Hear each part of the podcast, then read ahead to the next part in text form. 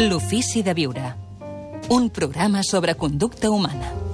Avui l'entrada al bloc de notes d'Àlex Rovira. Què tal, Àlex? Ben retrobat, molt bon dia. Molt bon dia, Gaspar. És intel·ligència emocional, que per sort està de moda i per sort eh, doncs fa que hi hagi eh, grans llibres com el Diccionari dels Sentiments. Sí, senyor.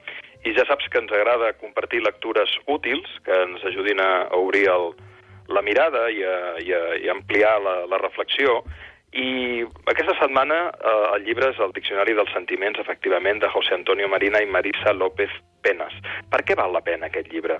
Doncs val la pena per aprofundir, i de debò, és un llibre molt rigorós, és un llibre de gruix, en l'univers dels efectes, en l'univers de les emocions i dels sentiments, d'una manera eh, molt entretinguda, a la vegada rigorosa, a la vegada amb moltes fonts per a aquelles persones que vulguin aprofundir, eh, i ens ajudarà molt, com tu bé deies, a desenvolupar, diguéssim, totes, eh, tot, totes les capacitats que tinguin a veure la intel·ligència emocional i social des del punt de vista del rigor de les definicions. Jo he trobat molt pocs llibres que toquin d'una manera tan rigorosa o que facin una taxonomia efectiva tan ben feta com fa aquest diccionari de les emocions.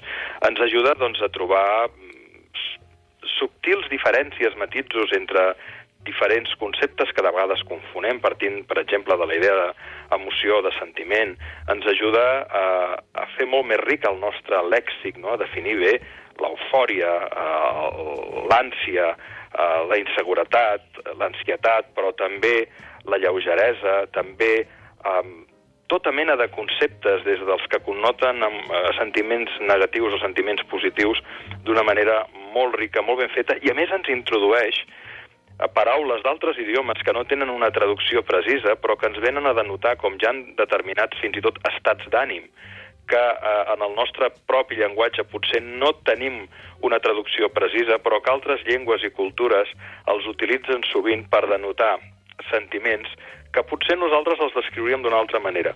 En definitiva, és un llibre molt entretingut, que demana del lector, però que a la vegada li aportarà grans satisfa satisfaccions intel·lectuals i, em permeto dir, també sentimentals. Moltes gràcies, Àlex. Ens fa una mica estrany pensar que fa, no sé, uns 20 anys eh, no es parlava d'intel·ligència emocional, no? Sí, o també que nosaltres a l'escola no se'ns va ensenyar res d'intel·ligència emocional, no? No se'ns va ensenyar res i crec que és una, és una assignatura pendent que molts ens trobem d'adults i que després mirem de reconstruir com, com podem amb la pròpia pedagogia o formant-nos i, per tant, val molt la pena endinsar-nos en aquesta dimensió de la intel·ligència perquè eh, és extraordinàriament útil eh, tenir una bona intel·ligència emocional i social. Àlex, moltíssimes gràcies. Una forta abraçada. Fins una diumenge. abraçada ben forta, Gaspar.